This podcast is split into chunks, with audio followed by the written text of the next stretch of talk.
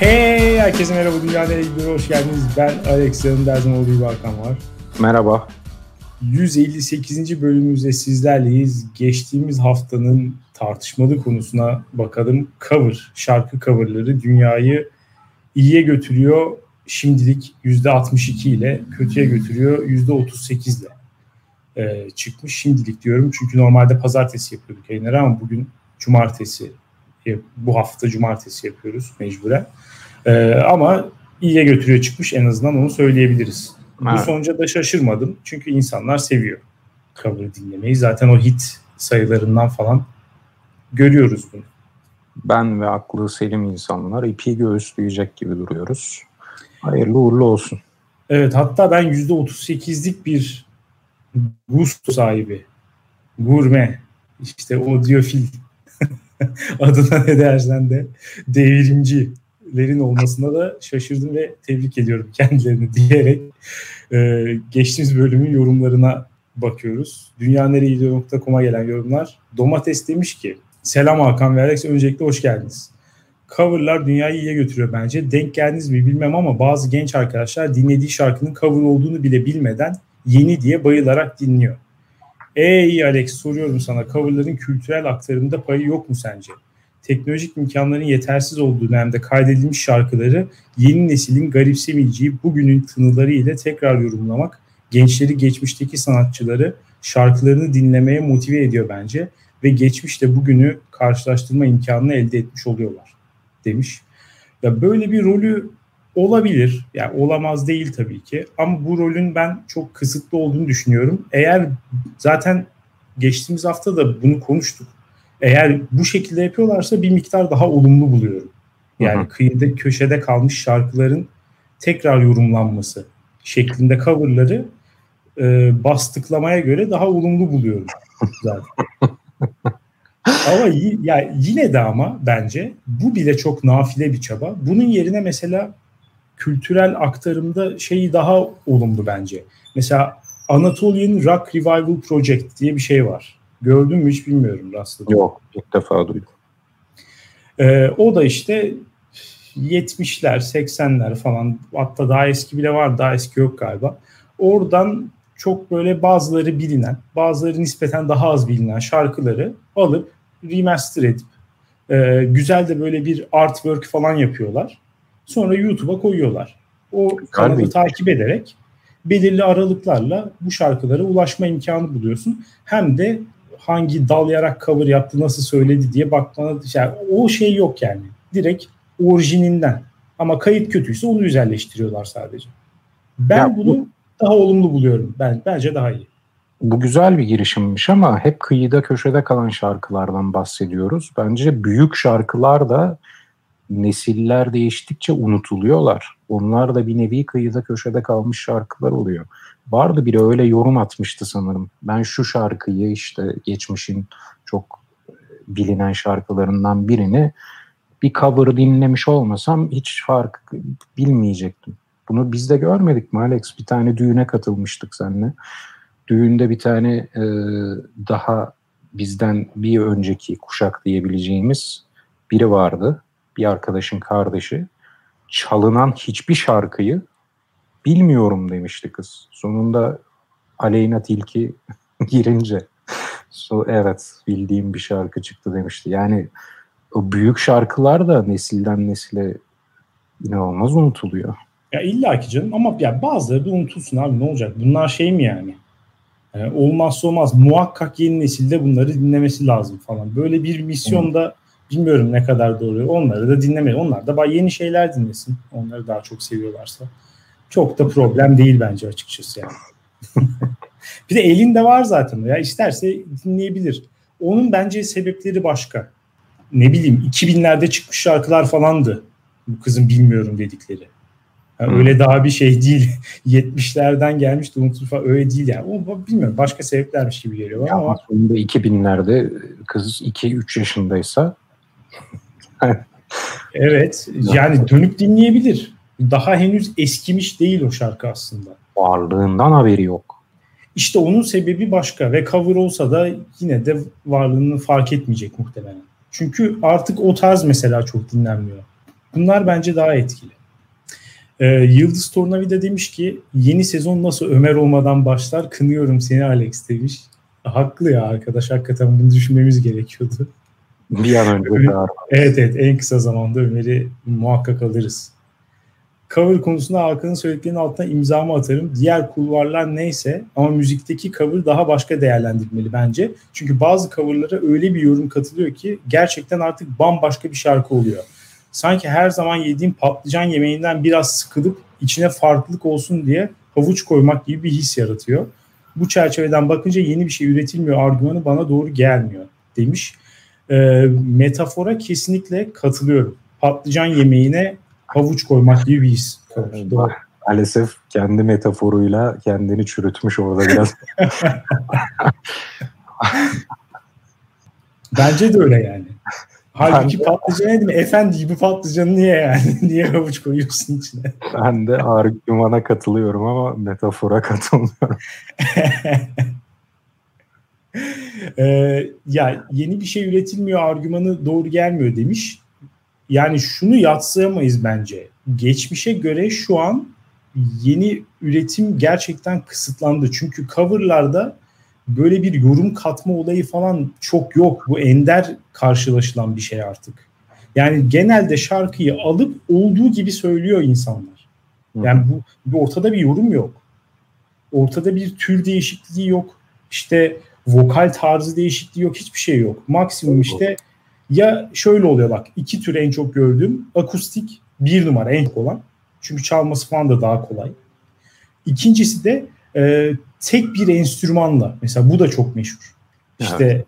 şarkı mesela normalde piyano ağırlıklı mesela alıyor gitarla çalıyor. Abi şimdi ne yeni burada? Ne ne yani şimdi bu? Ne anladık ki? Ya, farklı bir tat sonunda ama şu dediğine katılıyorum. İnsanlar kolay yolu e, deniyorlar. Kolay yol oldu artık cover yapmak. Evet. Parlamak için. Oraya bir orada bir izdiham yaşanıyor maalesef. Demiş ki devamında üniversite yıllarında popüler bir kız vardı. Yanında gezdirdiği iki eşantiyon gitarcı çocukla oturmadığı çim söylemediği cover kalmamıştı. Ama nedense ilgi çeken yanı hiçbir zaman sesinin güzelliği veya coverlarının kalitesi olmadı. Zeynep Bastık da bu furyadan gelip ünlü olmuş biri gibi geliyor bana demiş. Ya illaki etkisi vardır. Yani sonuçta ilgi çeken yanı neydi? Güzelliği mi demek istiyor? Onu kastetmiş, evet. Hmm. Bunun etkisi olmaması imkansız zaten. Frigid Jones demiş ki merhaba Alex ve Hakan. Alex welcome home. Teşekkür ediyorum. Yine geç dinlediğim için geriden gelen bir yorum yapmak istiyorum. Yorum sayısı az olduğu için bunu da okuyacağız tabii ki. Önceki bölümde Hakan'ın bahsettiği ilişkilerin %80'i seks diyen kızın muhtemelen biten ilişkisinde seks hayatı çok kötüydü. Seks ilişkide tatlılık, hoşluk ve alelade bir şeydir. Ama eğer yoksa o zaman çok önemli bir hale gelir. Olabilir tabii bu konuda bilmiyorum. Ne desek spekülasyon olacak. Evet herkes kendisinde olmayan şeyi arar. Şeyin e, fikrinden yola çıkmış gibi de ya bilmiyorum bazen de böyle de olmayabiliyor yani. Bu bence genel geçer bir kural değil. Evet. Ee, Belki gayet... de şöyle düşünüyordu kız o an e, seks hayatımız muhteşemdi sevgilimle ve hatta bu yüzden bu kadar uzun süre gidebildik. Ee, yoksa çoktan ayrılmış olmamız lazımdı. Evet. Bu da bir senaryo. Hatta bu daha yakın gibi geliyor bana. Son olarak Melike demiş ki tekrardan merhaba. Sunucumu sorduğunuz için teşekkürler ÖSS sonucu. Şimdilik totem yaptığım için bir şey demeyeceğim. Tercihler açıklanınca yine yazarım demiş. Peki bekliyoruz. Ee, bölüme gelince ilk defa Alex'le aynı fikirde değilim. Çok iddialı ilk defa. Muhakkak yani şaşmıştır. Neyse Ece Mumay kendi halinde vazgeç gönül cover'ını yaparken şimdi listelere tutulmak için Türkçe pop'un kölesi olmuş gibi Galaxy adlı bir şarkı yapmış. Evet çok kötü coverlar da var ama Alex hiç nimet, cennetten çiçek vs dinlememiş gibi dinleseydi her şeyi kucaklayacağını söyleyemezdi. Sanmıyorum. Gerçekten dinlemedim yani. Bunlar ne? Ben hiçbirini bilmiyorum bunların. Galaxy, Ece Mumay. Vazgeç Gönül düşündüğüm şarkıysa onu biliyorum. Vazgeç sesini duyan yok. Vazgeç gönül. Evet. Bir tek bunu biliyorum. Galaxy'yi hiç bilmiyorum. Nimet bilmiyorum. Cennetten Çiçek deyince de benim aklıma şey geldi. Sarı Çiçek ilahi. Yok yok. Ha Cennetten Çiçek şarkısını biliyorum. Yani mimleşti yani işte. Sürekli videolar yapılıyor herkese falan filan. Ee, bu coverlarda da birazcık belki böyle bir şey var gibi geliyor. Aynı şarkının üst üste coverlanması da bir e, şeye yol açıyor. İşte mimleşme, furyalaşma. Bu da bana birazcık rahatsız edici gibi geldi ama bunun detayına giremeyeceğim şu an. Bu arada bak şimdi bu yorum üzerine aklıma şeye geldi. Lisede biz bir arkadaşla dinden dönem ödevi almıştık. Biz de düet olarak ilahi cover CD'si yapmıştık.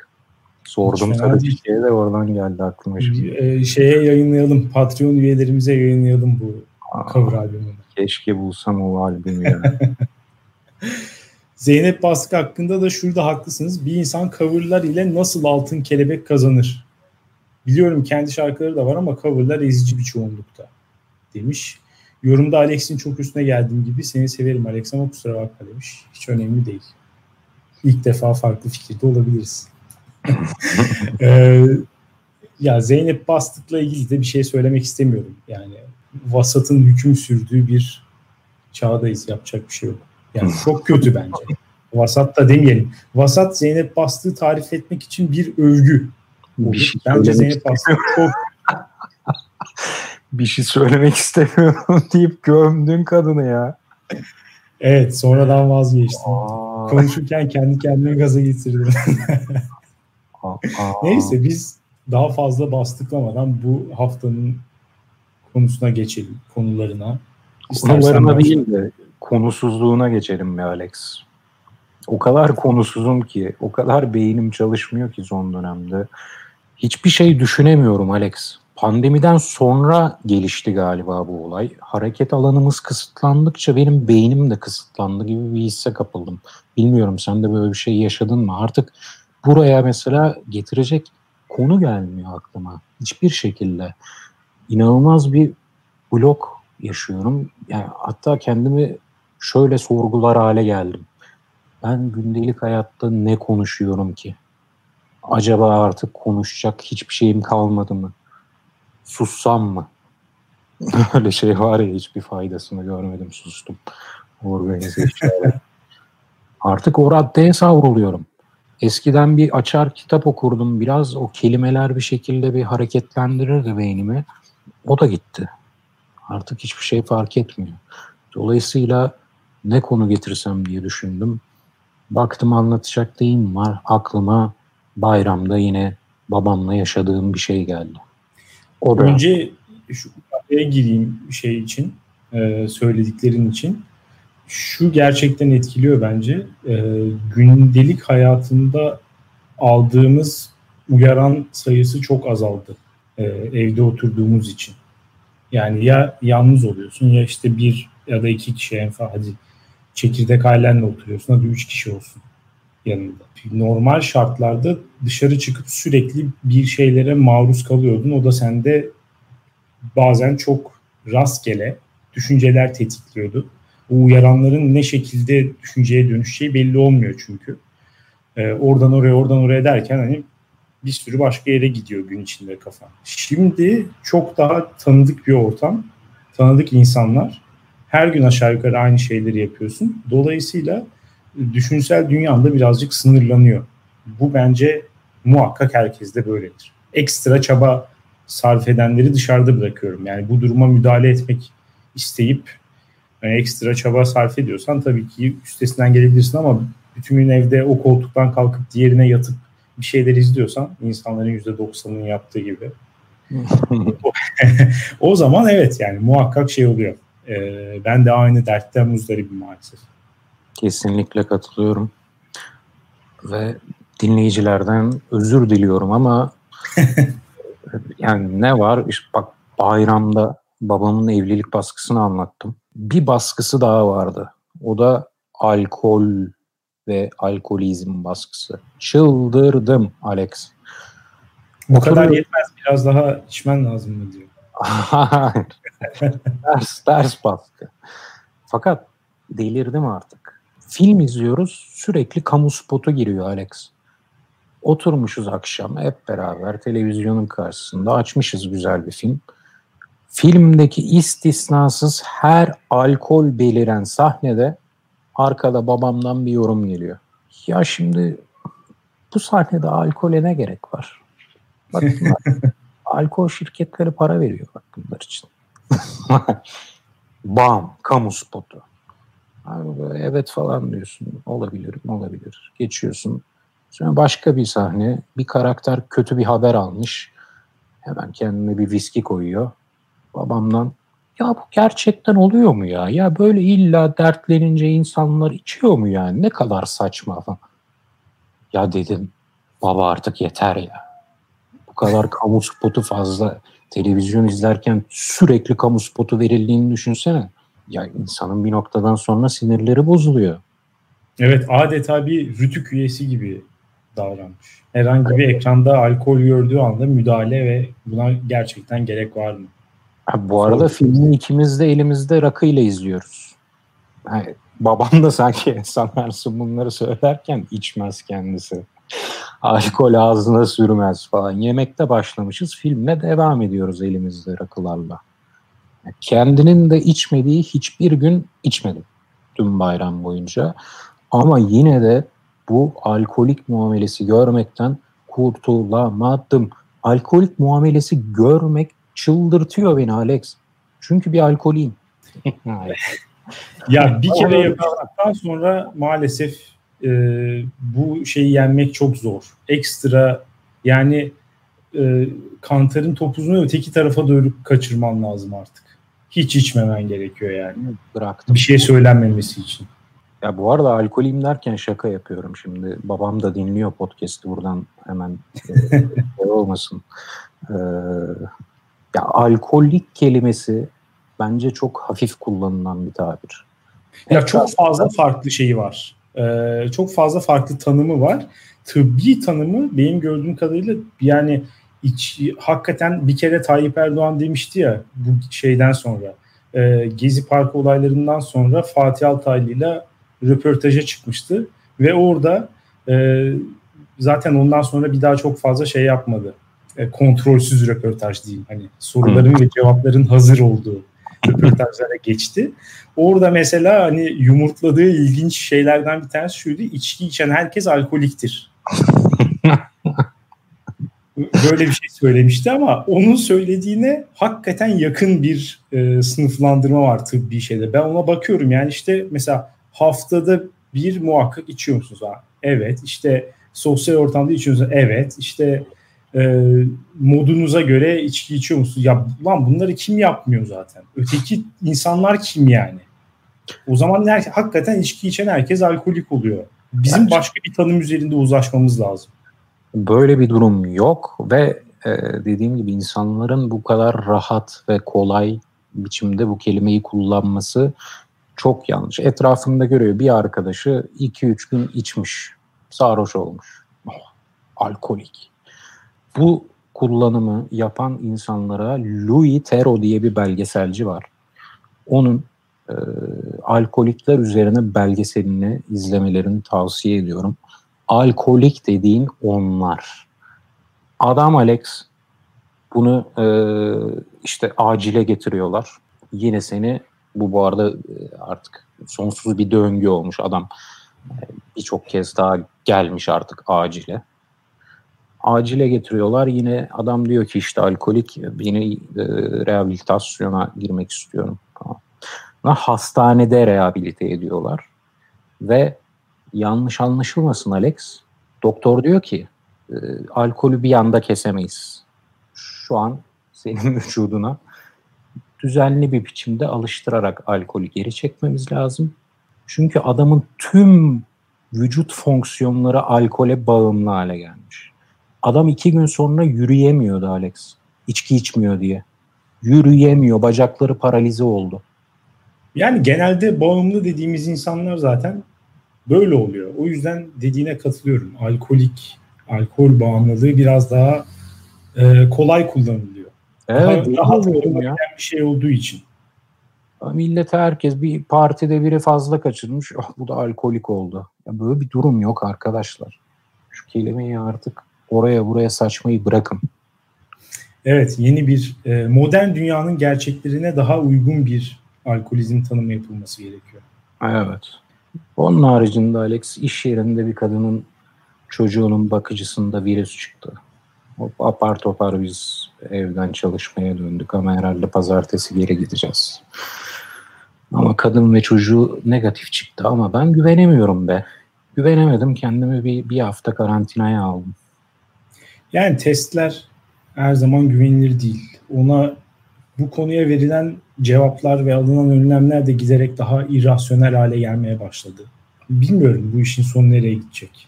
Çok şey belirsiz gerçekten. Garip. İyice da, giderek daha da garipleşmeye başlıyor bence mesele. Daha netleşeceğine e, daha daha garipleşiyor.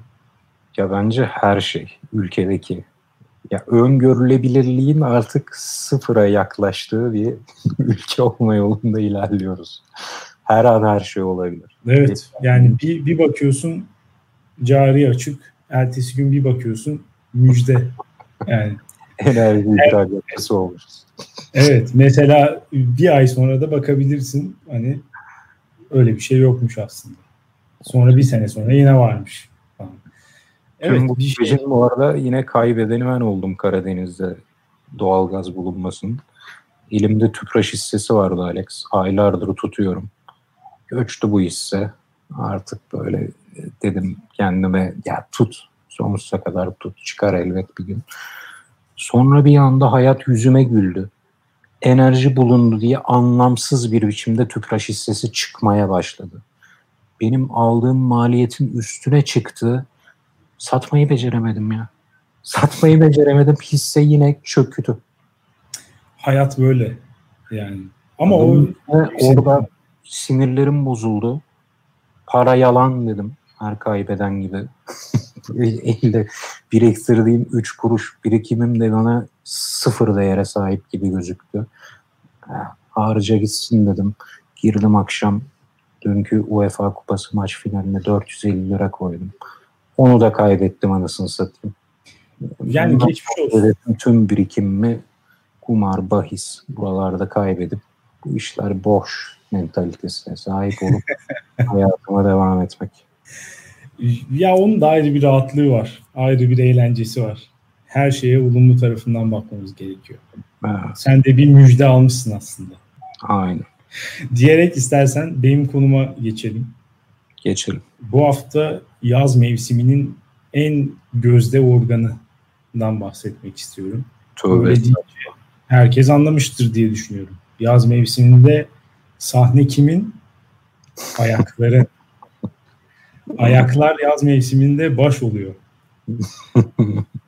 Çünkü hem şeyde görüyorsun e, mesela dışarı çıkıyorsun özellikle benim gibi önüne bakarak yürüyen bir insansan çok böyle hani kafanı etrafa falan çevirmiyorsan dışarıda çok fazla ayak görüyorsun yaz aylarında. İster istemez yani mecburen. Sonra eve geliyorsun mesela miden bulanmış bir şekilde. E diyorsun bir biraz sosyal medyaya bakayım diyorsun. Bir bakıyorsun herkes ayağını çekip atmış. Of.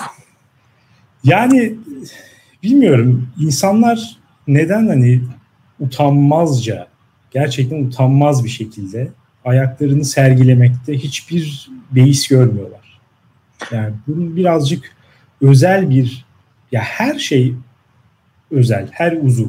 Durduk yere niye atıyorsun ki çıplak bir şekilde? Yani ben neredeyse artık şey olacağım gerçekten. Tesettür savunucusu ama kadın erkek komple. Tabii. Ve full vücut. Ee, böyle ya, bir din varsa üye oluyorum şu an. Ya dışarıda dolaşanlara bir şey diyemeyeceğim. Çünkü gerçekten şıpıdıklarla dışarı çıkmak çok rahat. Ee, ve aralarda bazı güzel ayaklar da çıkabiliyor Alex. Şimdi birbirimizi kandırmayalım. Bazıları da çok çekici. Abi rahat olan birçok şey var. Ee, ama bunları yapmıyoruz. Neden? Çünkü bu hayat bilgisi dersinde falan çocukken öğrenmiştik. Özgürlük nerede biter? Başkasının özgürlüğünü sınırladığın yerde senin özgürlüğün biter.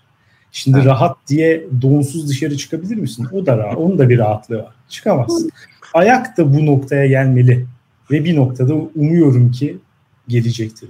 Ama işte donsuz çıkmamayı garanti altına almak için e, biz bir kültürel sınırlama getirmişiz. Utanç, utanacaksın falan. Biz öyle bir rahatsızlık boyutu eklemişiz olaya ki evet. yani yoksa fiziksel olarak rahat ama biz o fiziksel rahatı baskılasın diye manevi bir rahatsızlık eklemişiz. Belki Abi, hayatta öyle bir şey getirilmeli. Kesinlikle. O da hani başkalarını rahatsız etmemek üzerinden olmalı. Yani ha, kimsenin o... göz zevkini bozmamalısın öğretisi. Sağ, bu, bu değişimi getirmek için ancak örgütlenerek aksiyon almalıyız. Başka türlü olmaz mı? Sosyal Kezzap yapacaksın millete. Hayır, hayır. hayır. Fiziksel şiddete hayır, psikolojik şiddet sonuna kadar. Sosyal medyada attı mı ayağını? Altına yüz tane iğrençsin, ne biçim bir ayağın var, senin tırnaklarına sıçayım. Ay baş parmağından daha büyük işaret parmağın. Ay iğrençmiş falan. Ya böyle 100 tane yorum gelsin. O insan muhtemelen bir daha ayak fotosu falan koymaz. Hatta dışarı bile ayağı açık çıkmamaya e, başlayabilir. Olabilir. Araya da bir iki tane şey sıkıştıracaksın. Tam tersini. Ayak fetişistleri de yorum yapacak. O da bir şey. E, mide bulandırıyor. O da böyle işte efendim ayaklarınız ne güzel beni ezmenizi isterdim falan tarzı bir yorum. Emebilir miyim? Birkaç tane de ondan her taraftan darbeyi yiyecek e, ve bir daha paylaşmamayı öğrenecek insanlar diye umuyorum. Şimdi Aynen. ayakla ilgili birkaç tane fact buldum. Bunları okumak istiyorum. Ona geçmeden önce şeyi sorabilir miyim bir sosyal medya uzmanı olarak sana? Ee, bu ayak paylaşma olayı ne, ne zaman çıktı? Bu yeni bir fenomen değil mi? Yani yeni derken ya çok... birkaç sene öncesinin olayı gibi yani değil mi? Ya birkaç sene demeyelim biraz daha fazla. Yani Instagram'da insanlar kendi fotoğraflarını atmaya başladığından itibaren yazın çok fazla ayak atılmaya başlandı. Yani Peki minimum bir 6-7 senesi var bence. Ee, çıkışı bir parodi olarak mı oldu? Yükselişi daha doğrusu. Mesela biri ayak attı Ondan sonra bu dalganın büyümesi şöyle oldu atıyorum. Herkes aa bak işte bu da benim ayağım. Ha ha ha gördünüz mü ayak attım. Bak böyle atanlar var ya falan. Hani o gerçeğinin parodisi yapıla yapıla mı büyüdü ve böyle bir hareket haline geldi? Yoksa gerçekten o... insanlar ayakların sosyal medya için müthiş bir estetik bir şey olduğunu düşünüp mü büyüdü bu olay? Ya bir önceki bu arada benim en sevmediğim tarzdır parodisini yaparmış gibi gerçeğini yapmak. Hiç hoşuma gitmeyen bir şey. Ee, ama öyle büyümedi bence. İnsanlar daha çok böyle şey ya özel olarak ayaklarını da çekmiyorlar. Şimdi haksızlık etmeyelim ama ayaklarını saklamak için de herhangi bir çaba göstermiyorlar. Yani direkt olarak hani ayağını çekip atmıyor. Ama işte şezlongda uzanarak atıyor ve hani ayağını da çekiyor, gösteriyor ille de. Muhakkak o ayağını da koyuyor oraya. Yani estetik olduğunu düşünüyorlar gerçekten. Çünkü ojesini bilmem nesini yapmış. Şimdi bunu normal insanlardan çıkartıyorum biraz. İşte hani influencer, model bilmem ne falan onlara bakıyorsun. İşte her türlü böyle hani estetik gözükeceğini düşünerek bir sürü işlem yapılmış. Ondan sonra çekip atmış. O Çok yüzden ya. böyle ya, düşünüyorum. Ya arkadaşlar buradan bir altın değerinde bilgi vereyim insanlığın yüzde 99'unun ayakları çirkin. Abi onu yüzde yüz yapalım. Yüzde yüz yapalım. Yani ehveni şer de yine şerdir. Bunu unutmamak lazım. Yani bazılarınınki biraz daha güzel olabilir ama yine de bu organı ihtiyaç yok yani görmeye ihtiyaç yok. Fonksiyon olarak belki de elden bile daha önemli yani. İnanılmaz bir şey. Acayip bir fonksiyonel önemi var. Ama zaten böyle değil midir? Bir şey ne kadar fonksiyonelse o kadar e, estetiği azalması lazım. Yani o, o yönde evrilmiş. İş yapmak üzere evrilmiş bu. Doğru. Ben bayağı midem bulanırdı biliyor musun Alex küçükken. Hatta bir Şadiye hala vardı. Böyle e, bembeyaz artık kadın kaç yaşındaydı bilmiyorum bile. Ben de ufacığım. Bir gün oturuyoruz anneannemlerde. Böyle ay, midem bulandı ayaklarını kapar mısın mı ne demiştim yani. belki, belki daha ama çok doğru söylemişsin yani. Ben de ne iğrenç bir çocukmuşum yani ama midem bulanıyordu ya ayaktan. Haklısın. Bulanması da lazım. Yani olması gereken bu. Şimdi bazı faktler okumak istiyorum. Programa bazen e, boş konuşuyorsunuz. İşte bilgilendirmiyorsunuz falan gibi eleştiriler ya onlara da kapak olsun. e, ayakta 26 tane kemik varmış Hakan. Ki 26. evet insan vücudundaki kemiklerin çeyreği ediyormuş. Dörtte biri ayaklardaymış. Ayo, hadi oradan. Ee, 33 adet eklem varmış. 107 tane bağ ve 19 adette kas varmış. Ee, aynı zamanda bir çift ayakta yaklaşık 250 bin ter bezi varmış. Bana en garibi bu geldi. Bunlar da günde yaklaşık 0.25 litre ter salgılıyormuş. Bu da günlük içmemiz gereken su miktarının 8'de biri bildiğin gibi. hani ne demek istiyorsun? Ayak terimizi biriktirip Yok yani ondan, oradan o geldi aklıma. Ayak deyince bunlar geliyor aklıma. Ben de biliyorsun sürdürülebilirlik konusunu çok seven biriyim. Ee, bu konuyu çok değerli bulan biriyim. Evet. Bence bunu arıtabilen bir sistem kurulsa bütün gün ayak terimizi içeriz. Öyle Neden olmasın yani. İçtikçe terleyip sonra biraz devri daim gibi bir şey. Aynen. Yani denge, vücut dengesi. ee, aynı zamanda şöyle bir şey var. Bir ayak günde ortalama 3-4 bin kere yere değiyor. Buna ne diyorsun? Ya bu kadar fazla yerle buluşan yer pis bir şeydir her zaman. Dışarıda olsun, evde olsun. Toz olunca mesela yere çöker. Yer hep pislenir. Yani yer iyi bir şey değil. Bu kadar fazla günde 3-4 bin kere yerle buluşan bir şeyin de temiz olma ihtimali yok. Yani şey olarak olabilir. Hani şunu söyleyebilirsin. Ben ayağımı yıkıyorum. İşte şunu yapıyorum, bunu yapıyorum. İstediğini yapabilirsin. Psikolojik olarak bunu yıkmak imkansız. Bu kadar fazla yere değen bir şeyin temiz olduğunu bana yani istersen yüzde yüz alkolle böyle şey yap. Arındır. Yine ona dokunmak istemem mesela. Aynen. Ya bu burası kesin. Burası kesin. Ayak e, böyle kendi doğası gereği pis bir şey. Evet. Yani Tabii ki. Dediğin gibi bu böyle ayak hiç yere değmese bile doğdun, büyüdün, ayağın hiç yere değmedi. Hiçbir zaman buna dokunulmaması lazım. Evet. Dokun bir tek bebekler için bir istisna yapabiliriz. O da belki. Onlar da ağzına sokuyor ya. ya o da çok abartı canım. Yok sadece dokunmak için diyorum. Bebeğin oldu diyelim ağzına sokuyor. Sürekli kendi ayağını almış ağzına sokuyor. Ha bebek öyle yapıyor. Ben de Hayır. ailesi falan diyordum. Onlar da yapıyor çünkü. Ha evet. Ama bebeğin oldu kendi ayağı sürekli ağzında. Müdahale eder misin yoksa doğal sürecine mi bırakırsın olayı? Ya o bir e, gelişim açısından önemli bir hareketse müdahale etmem. Yani bilmiyorum. Bu konuda bir bilgim yok. Yani esnetiyorsa falan böyle ya da ille bir şey emmesi gerekiyorsa falan ya bir doktora sorarım yani. Ama eğer hiçbir gerekliliği yoksa yüzde yüz müdahale ederim. Konuda ben sana garanti verebilirim Alex. Gelişimsel hiçbir pozitif yanı olmadığını ayağına. Belki mesela ayağını tanımaya falan çalışıyordur öyle ısırarak falan. Bilmiyorum yani. Hiçbir fikrim yok bu konuda. Ama öyle bir şey yoksa yüzde yüz yasaklarım. Çok sert bir yasak uygularım bu konuda. ee, şuna daha lazım hani. Madem öyle al benim aya kendi ayağını ağzına sokarsan belki vazgeçer. Geçer bence.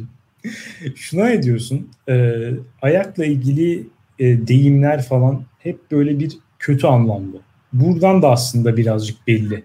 E, ayağın pis, kötü, iğrenç bir şey olduğu buradan da belli. Mesela işte argoda falan çok vardı ya mesela bana ayak yapma. Hmm. Mesela ayak yapmak kötü bir şey yani. Ya da işte oğlum ayak oyunları oynama benimle falan. Hani, sen ne ayaksın lan? Tamam bak bunların hepsi bir ayak yani elle ilgili hiç böyle bir şey ortada yok. Sen ne ayaksın çok güzel ya. Nereden çıkıyor bir de ne alaka? Arada bir bağ kurabiliyor musun? Ne ayaksın? Nasıl? Onunla da kuramıyorum. Bana ayak yapmayı da e, kuramıyorum gerçekten. ayak yapmak neden böyle bir anlamı var hiçbir fikrim yok. Yine e, Nişanyan'a buradan çağrıda bulunuyoruz. Lütfen. Ama hep kötü. Yani hiç iyi bir şey değil. Ayaklı şeyler. Doğru şu ee, an bir pozitif düşünmeye çalışıyorum. Bulamıyorum. Gerçekten bulamıyorum. Bulan, bulamaz. bulan yazsın. Onlar da bulamaz. Kesin iyi olanlarda bile saklı bir kötü anlam vardır diye düşünüyorum. ee, koku konusunu konuşmak istemiyorum. Yani bu zaten ortada bir şey. Ee, bu aromadan cips bile yapılmış bir şey yani. Doritos mu diyorsun? Doritos'un turuncusu. Nacho muydu adı? Geçelim o konuyu.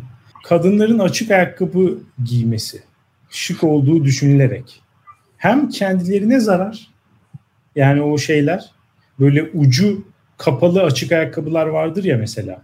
Evet hiç hoşuma Parmakları böyle eciş bücüş yapar. Evet. Ama böyle gerisi de açık falan. Yani hem hiç rahat değil. Size de yazık, bize de yazık. Ama Birkenstock'lar için ne düşünüyorsun? Birkenstock mu? Yasaklanması gerekiyor. Aa nasıl? Onlar şık bence. Ama onlar Ama da açık, apaçık. Nasıl diyeyim? Ayağa düştü. O yüzden. işte.